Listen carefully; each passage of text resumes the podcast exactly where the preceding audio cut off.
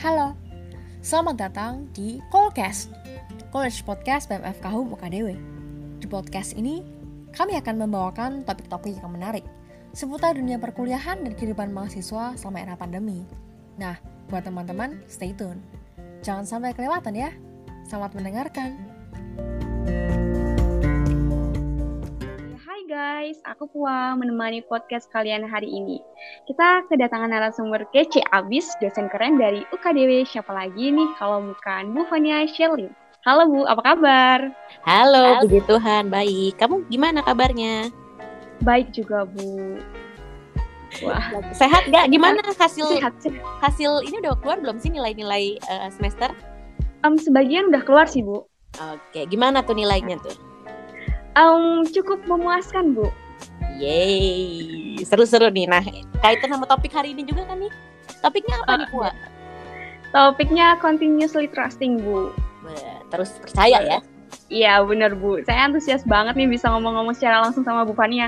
BTW saya ini fans banget loh dari semester 1 sama Bu Fania. Wow, thank you, thank you. Berarti kamu ngambil kuliah aku PAK dan PK ya? Atau? Yap, benar Bu. Wow, yes, Ya, yes, yes. Yuk oke. ngobrol-ngobrol. Gimana Ya nih? Ada pertanyaan Langsung apa, aja ya Bu di pertanyaannya. Saya langsung tembak dengan pertanyaannya.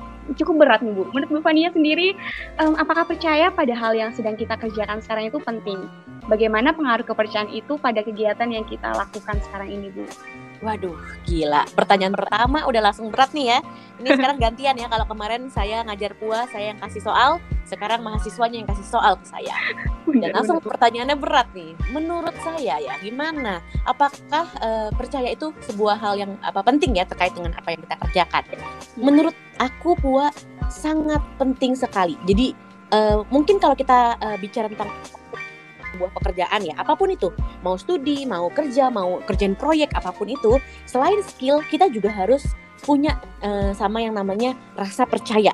Rasa percaya akan eh, si project itu akan berhasil gitu ya. Aku kasih contoh nih Pua dan ini based on eh, ini ya eksperimen langsung gitu ya. Jadi eh, di Amerika itu ada dua eh, tim basket, katakanlah tim A dan tim B gitu ya. Nah mereka berdua sama-sama nggak tahu, nggak pernah latihan basket, nggak pernah tahu apa role-nya, dan udah bener-bener eh, blank gitu. Tapi mereka akan diterjunkan untuk eh, lomba, lomba basket gitu. Nah, yang kelompok yang A ini tuh dia dikasih apa ya penguatan gitu. Jadi diajarkan. Jadi eh, mereka dua-dua sama-sama apa namanya nggak pernah praktek basket ya. Tapi yang kelompok A ini dikasih eh, motivasi.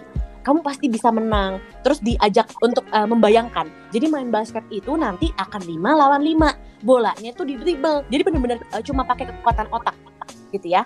Eh, terus habis itu yang B ini nggak sama sekali. Bener-bener nggak diapa-apain nggak diajak ngomong nggak dikasih tahu motivasi bener-bener nggak di briefing lalu eh, pada saat perlombaan cetar gitu ya melawan tim dua-duanya ini lawan tim yang pro gitu.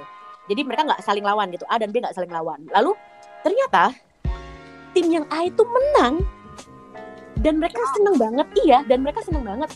Dan eh, ini mau nunjukin apa? Mau nunjukin oke dalam kita melakukan sesuatu skill memang penting. Tapi skill itu tidak paling penting yang paling penting adalah eh, kalian yakin dan percaya yang kalian lakukan itu benar dan kalian kalau dalam kasusnya eh, tim basket ini menang gitu kan? Nah itu bener gitu dan mereka bisa main basket tanpa eh, misalnya bukan apa ya tanpa pelanggaran pelanggaran gitu. Padahal kita tahu ya misalkan kalau main basket aku nggak tahu pua anak basket apa enggak tapi aku eh, dulu SMP tuh main basket. Jadi dikit-dikit kan kayak walking traveling terus banyak lah pelanggaran pelanggarannya gitu kan. Nah ini tuh enggak. Jadi mau nunjukin bahwa skill memang penting tapi punya rasa percaya terhadap apa yang dilakukan itu jauh jauh lebih penting mendahului skill. Karena skill bisa diasah kalau kita udah niat kan pasti mau ya berlatih ya Pua ya. Iya, meskipun nggak bisa tapi ah aku pengen aku pengen lancar bahasa Inggris. Oke aku berlatih tiap hari nonton YouTube bahasa Inggris praktis dan segala macam gitu. Nah itu eh, akan mendrive atau eh, mendorong gitu. Nah itu jadi menurut aku untuk menjawab pertanyaan Puang ini eh, penting banget rasa percaya itu. Baik. gimana menurutmu? Banget Bu. Jadi kita itu harus memiliki hati di sana ya Bu supaya em, jalannya juga enjoy dan kita tahu kita akan berhasil di situ itu bakalan jauh lebih besar. yes eh, apanya ya bener. Dan ini bener-bener baru pertama aja ini udah sangat-sangat bermakna nih Bu. Untuk em, kita sekarang kan kebanyakan em, generasi Z ya. Di Indonesia itu kebanyakan generasi generasi Z ya. Yes. Um, di mana generasi Z ini berpengaruh teguh pada prinsip jalanin aja dulu hasilnya akhir belakangan lah. Ini gimana nih tanggapannya Bu Fania terhadap generasi Z yang mengesampingkan tujuan tujuannya dalam berproses? Oke. Okay. Wow, aku pikir tuh cuma dalam dunia pacaran kalau ditembak jalanin dulu aja lah beb. Ini berlaku di semua loh bu oh ternyata aku pikir cuma di dunia perbucinan doang. Nggak mau pakai status doang. Udah jalanin dulu aja. Kita ini apa? Ya jalanin aja dulu. Ternyata uh, dalam dalam uh, apa namanya melakukan uh, tugas sehari-hari atau uh, kuliah atau apa pun ternyata juga berdampak ya.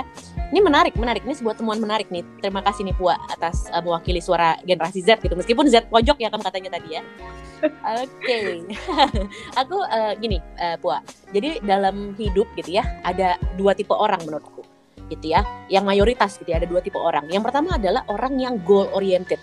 Jadi uh, kalau dia udah ngebidik ya udah aku maunya A gitu targetku.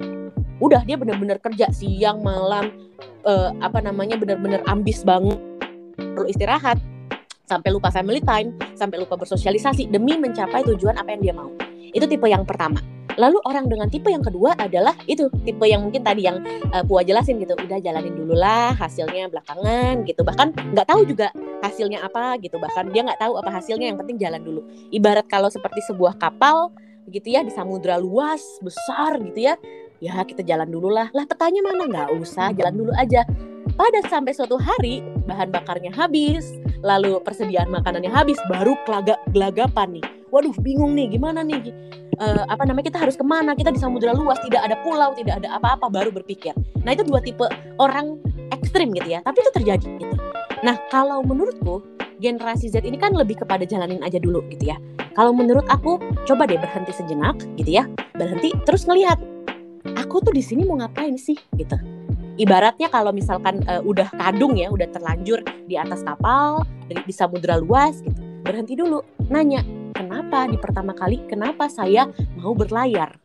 Apa tujuan saya?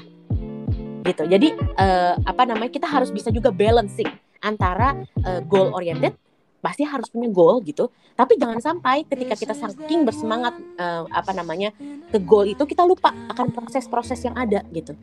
Karena proses-proses yang ada itu jauh lebih uh, penting juga gitu. Bukan jauh lebih sama pentingnya dengan ketika kita dapat goals Nah, gimana tuh bisa balancein itu berdua, uh, berdua itu aku pikir generasi Z karena uh, apa-apa serba cepat, apa-apa serba instan, coba berhenti dulu, coba untuk dipikirkan. Gitu. Jadi uh, tanggapanku itu sih, harus balancing antara goal dan proses. Gitu, Puan. Waduh, saya dapat pencerahan banget nih Bu pada hari ini. Harus balance ya, Bu. Betul. Iya. Yeah. Saya juga tipenya sebenarnya generasi banget ya, Bu. Mm-hmm. Tapi karena hari ini kita berbincang-bincang, jadi mungkin saya harus rehat sejenak deh Betul. Hmm, kalau supaya kita tahu gimana caranya kita mengetahui impact yang bisa kita rasakan mm-hmm. ketika kita percaya pada prinsip kita sendiri dalam menjalani suatu kegiatan itu gimana Bu? Oke, lanjut nih ya sama kayak yang uh, dari yang tadi tuh ya, antara goal sama uh, apa namanya proses oriented gitu ya. Gimana cara tahunya kita di jalur yang benar gitu. Kalau misalkan naik kapal gitu, gimana kita tahu kita di rute yang benar menuju titik akhir gitu kan? Nah, kalau menurut aku uh, yang bisa kita uh, kita kita lakukan adalah kita kan nggak bisa ngontrol segala sesuatu ya. Misalkan kita mau dapat IP 4, kita nggak bisa ngontrol si dosen untuk kasih kita nilai bagus gitu, tidak bisa, gitu. Tapi kita bisa melakukan uh, secara maksimal apa yang bisa kita lakukan. Aku jadi ingat kalau uh, apa namanya di Kolose 3 ayat 23 itulah segala sesuatu yang kamu perlu uh, buat uh, lakukan secara maksimal dan seperti untuk Tuhan bukan untuk manusia. Jadi impactnya uh, balik lagi bukan untuk memuaskan si dosen ini, bukan untuk memuaskan si mama atau si papa atau si ayang gitu ya kalau bucin gitu kan, tapi lebih kepada kita merasakan joy. Jadi dampaknya adalah ketika kita percaya suatu prinsip dan prinsip itu adalah uh, sesuatu yang menggerakkan kita, mendrive kita untuk mencapai sebuah tujuan, di perjalanan itu kita merasa happy. Seberat apa pun, uh, se sepusing apa pun gitu kita anggap itu sebagai challenge dan uh, ketika kita mendapatkannya itu kita menjadi sukacita. Dan tidak ada orang lain yang dirugikan. Misalkan ah, aku tuh mau dapat A udah aku mau nyontek tugas kamu. Kan ada yang dirugikan. Ya kan? Atau enggak yeah. aku aku mau uh, apa namanya aku mau misalkan uh, punya misalkan handphone baru gitu. Tapi caranya adalah dengan minta sama orang tua marah-marah marah orang tua yang udah kerja capek banting tulang kena marah kita lagi karena kita sangat demanding akan dirugikan. Gitu. Jadi uh, menurutku adalah uh, uh, indikator atau impact uh, ketika kita merasakan oh ya kita benar nih prinsip kita adalah mendatangkan sukacita yang itu asalnya bukan dari bukan dari ego kita gitu tapi dari dari Tuhan. Dan itu adalah untuk uh, apa namanya uh, membawa apa ya joyful juga positivity juga untuk orang lain yang melihat keberhasilan kita juga gitu. Jadi lebih kepada gitu sih puak Oke Bu, jadi kayak kalau tadi ya dibilang kalau kita memiliki hati di sana, kita punya tujuan yang baik di sana, mm-hmm. kita akan memiliki happy yang tersendiri ya dari dalam diri kita. Betul. Iya, kalau Bu Fania sendiri pernah goyah nggak sama prinsip sendiri? Mungkin karena faktor internal gitu atau eksternal, atau mungkin pengen merubah prinsip untuk menantang tantangan baru nih? Oke, okay. Yes. Ini menjadi uh, menarik ya karena aku jadi harus recall pernah nggak ya aku tuh goyah sama prinsip sendiri kalau menurut aku uh, setiap manusia itu pasti punya prinsip-prinsip dasar, punya core value tertentu um, yang uh, itu tidak bisa di sebenarnya tidak bisa digoyahkan. Kalau mungkin itu masih goyah, mungkin itu belum nyampe core value. Itu mungkin value uh, ikut-ikutan orang, prinsip ikut-ikutan orang atau prinsip yang oke okay lah diajarin sama orang. Nah, uh, kalau aku sendiri mungkin kalau uh, tentang prinsip tidak pernah goyah. Karena anaknya emang sekepala batu itu. Jadi jadi aku dari dulu selalu prinsipnya adalah uh, uh, yang aku pegang ya itu adalah pengen selalu mendatangkan keadilan dan perdamaian. Wih besar banget ya. Justice and peace itu aku benar-benar pegang dalam segala sesuatu Nah, tapi dalam dalam proses kita uh, melakukan apa namanya nilai itu, prinsip itu dalam keseharian, entah dalam aku sekarang ngajar atau mungkin dulu waktu aku jadi mahasiswa ketika aku uh, belajar gitu ya, uh, pasti ada bentrokan-bentrokannya gitu. Misalkan dulu waktu aku dari SMA ya peralihan SMA uh, ke kuliah gitu. Mungkin orang-orang uh, atau teman-teman ada yang merasa sekarang mungkin salah jurusan atau mungkin ada yang merasa teman-teman adik-adik SMA masih galau nih, aduh mau kuliah apa gitu ya. Uh, lagi-lagi gitu menurut aku apa apa yang kamu mau cari dalam hidup nanti barulah uh, apa namanya ngelihat ulang saya harus nembak dart bidiknya tuh ke mana gitu. Atau uh, kalau misalkan sekarang merasa salah jurusan nggak apa-apa itu berarti adalah teman-teman mencoba untuk mendialogkan dengan apa yang uh, value kalian dengan apa yang kalian kerjakan dan itu bagus. Nah dulu aku pernah jadi waktu mau masuk uh, jurusan kuliah gitu ya uh, aku dulu nggak tahu nih mau mau jadi apa dulu masih gamang ikut-ikutan yang lain teman-teman yang lain ih pada mau jadi apa uh, akuntan finance lalu uh, dokter arsitek sangat jelas gitu. Terus akhirnya aku mikir aku apa ya? Tujuanku di dunia sesimpel aku pengen uh, berdampak dan berguna bagi orang lain. Jadi itu ketika nggak uh, tahu kuah di di sekolah pasti ada lah ya buku-buku apa buku tahunan gitu. Kayak kita udah lulus terus ada buku tahunan gitu. Tulisannya gitu kan cita-cita apa? Yang lain tuh arsitek guru guru psikologi, BK, bukan banyak deh gitu. Uh, guru bahasa Inggris ada juga gitu. Nah, seorang Fania ini tulisannya adalah menjadi berdampak menja, membawa dampak bagi banyak orang. Nah, itu kan bingung, itu kayak sangat abstrak gitu. Nah, uh, dulu faktor yang uh, apa ya namanya uh, mencoba untuk menggoyahkan adalah keluarga. Karena uh, kata mamaku, lu mau makan apa dengan dengan ya kan dengan tujuan seperti itu gitu. Mau kerja apa gitu. Akhirnya dulu aku didaftarin uh, sekolah uh, desain grafis gitu. Karena dulu aku suka ngedesain nge, nge gitu ya desain komunikasi visual sorry. Nah aku suka seperti itu gitu. Jadi mama aku daftarin itu gitu. Terus aku mikir aku nggak suka itu gitu. Itu mungkin ya bisa membawa uh, dampak bagi banyak orang tapi itu bukan prinsipku gitu. Itu bukan bukan sesuatu tujuanku gitu. Lalu akhirnya aku pilih pilih aku mikir aku sampai nangis. Benar-benar saat itu anak SMA kelas 3 uh, akhirnya ya sampailah pada uh, pilihan masuk teologi di duta wacana ini gitu. Itu proses yang panjang nggak aku tidak bisa ceritain detailnya di sini tapi itu uh, di kaliku tersendiri gitu. Tapi uh, pada akhirnya at the end ketika aku memilih jurusan ini bahkan ketika sekarang aku jadi dosen itu aku tidak pernah ngelepas prinsipku yang aku lakukan adalah bernegosiasi dengan orang yang terkait ya, misalkan orang tuaku atau pihak kampus atau ya itulah kurang lebih untuk menjelaskan aku tuh maunya apa sih gitu. Tapi apakah prinsip itu aku lepas tidak gitu itu sih Pua waduh keren banget sih Bu ya ampun keren-keren ceritanya keren menginspirasi dan saya juga kurang lebih punya cerita tersendiri seperti Ibu Fania sendiri dan semoga ke depannya saya bisa sukses kayak Bu Fania. Amin. Wah aku juga belum sukses sih Pua. Tapi di mata saya udah sukses loh Bu. Amin. Dan ini -hmm. saya lihat PPT yang Bu Fania bikin itu bagus-bagus semua. Apa gara-gara dulu pengen eh, dulu pernah mau masuk di desain komunikasi visual tuh? Uh, uh, ada ada mungkin gitu Pak. Jadi kadang kita selalu berpikir gitu ya kita mau jadi misalkan sebuah pekerjaan katakanlah uh, PBI ya misalkan katakanlah guru bahasa Inggris gitu ya. Tapi uh, satu pekerjaan itu tidak fit untuk semua orang akan jadi sama. Karena kan kita bukan uh, apa namanya bukan minuman kaleng ya yang diproduksi di pabrik. Atau kita bukan kita bukan sesuatu uh, makanan pabrikan atau minuman pabrikan gitu. Jadi uh, tidak mungkin ada satu orang yang uh, meskipun pekerjaannya sama lalu outputnya akan sama gitu. Enggak karena apa pun yang kita pekerja kerjakan gitu ya apa pun itu itu selalu tidak lepas dari pengalaman-pengalaman kita yang membentuk sebelumnya jadi dari dulu tuh memang aku suka ya itu bidang uh, suka ngedit-ngedit gitu dengan keterbatasan pengetahuan. Waktu itu belum semaju sekarang, belum ada Canva tentunya gitu. Nah, aku tapi coba untuk uh, apa ya? Uh, ngutak-ngatik ngutak-ngatik gitu. Jadi di gereja juga suka bagian bikin-bikin poster gitu. Sehingga aku pikir Fania yang sekarang dengan ya Pua tahu aku ngajar uh, PPT-nya suka lucu-lucu gitu ya. Itu tidak terlepas dari uh, ketika aku SMP SMP SMA tuh aku ngapain gitu dengan dengan gadget dengan komputer seadanya saat itu gitu.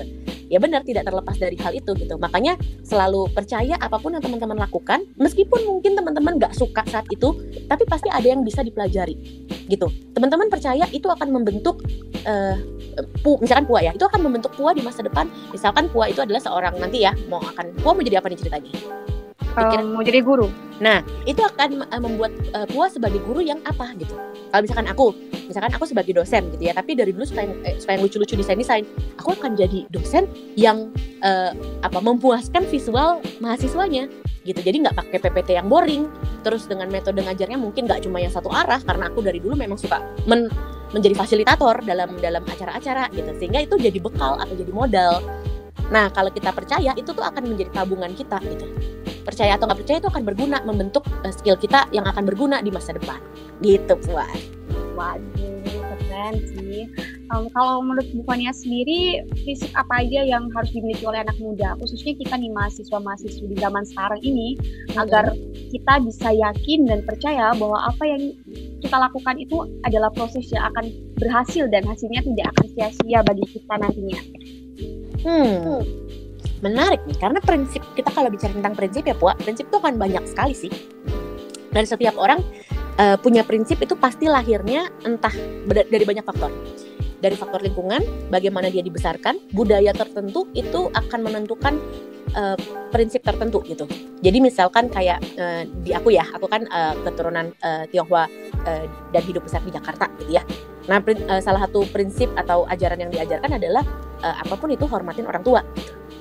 Jadi uh, akan beda-beda gitu. Tapi menurut aku karena ini kita juga kolkes gitu ya, kolkes di bawah FKHUM Universitas Kristen Duta Wacana, hal yang paling mudah, prinsip yang harus uh, banget kelihatan gitu ya, prinsip utama, prinsip dasar yang harus kelihatan menurut aku uh, prinsip ajaran Tuhan Yesus dalam Alkitab ya yang adalah cinta kasih gitu.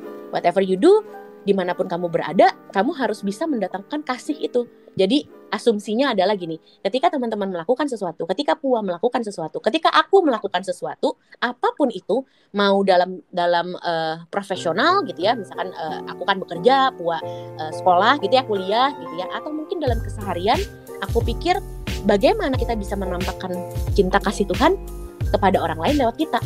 Itu uh, menurutku universal value gitu. Tapi uh, bawahannya prinsip-prinsip yang lain itu sangat tergantung sekali. Tergantung uh, bagaimana teman-teman dibesarkan, dengan kultur apa, teman-teman sekolah di mana, teman-teman lahir di kota dan besar di kota mana, itu sangat mempengaruhi teman-teman jadi punya prinsip apa untuk pegangan hidup. Gitu. Dan itu tidak tidak salah selama tidak merugikan orang lain. Tapi prinsip universal yang harus dipunya menurutku adalah cinta kasih. Karena kenapa? Karena cinta kasih itu nggak akan pernah bisa lepas dari pengharapan, dari hope cinta kasih tuh akan apa ya kayak uh, itu apa ya berkait kelindan dengan hope. Nah hope ini penting banget ada kaitannya dengan tema kali ini terus percaya gitu. Kita percaya bahwa di masa depan kita akan menjadi seseorang uh, seseorang yang uh, mewartakan cinta kasih lewat diri kita. Itu sih buat. Jadi prinsip utama yang kita harus pegang ini adalah prinsip yang diajarkan oleh Tuhan Yesus yaitu cinta kasih ya Bu. Yes, betul. Hmm, um, apakah prinsip dan idealis itu merupakan satu hal yang sama nih atau hal yang berbeda? Dan alasannya kira-kira apa, Bu? Oke. Okay. uh, menurut aku prinsip dan idealis itu berbeda gitu uh, idealis itu uh, apa namanya uh, setaranya atau lawan mainnya itu adalah realistis dan di dalam realistis dan idealis dua-duanya punya prinsip ngerti ya jadi misalkan kita punya prinsip sesuatu gitu misalkan kita punya uh, punya prinsip uh, apa coba contohnya ya misalkan prinsip uh, do the best gitu ya kita melakukan yang terbaik apa pun caranya gitu kan. Ya kan? Itu uh, prinsip dasar. Ceritanya itu prinsipnya Pua ya aku pinjam Pua dulu. Ini prinsipnya Pua uh, do the best gitu ya. Excellent gitu ya. Lalu uh, ketika orang yang idealis dia akan benar-benar apa pun itu kalau emang sangat perfeksionis sekali excellent sekali gak mau tahu pokoknya harus perfect gitu. Terus dihantamlah kondisi pandemi jedar kuliahnya empot-empotan karena kita harus uh, apa beradaptasi dengan uh, eh, PJJ gitu ya pembelajaran jarak jauh. Lalu kita jadi benar-benar sulit banget struggling struggling banget gitu ya. Orang yang idealis itu akan stres tingkat stresnya tinggi banget.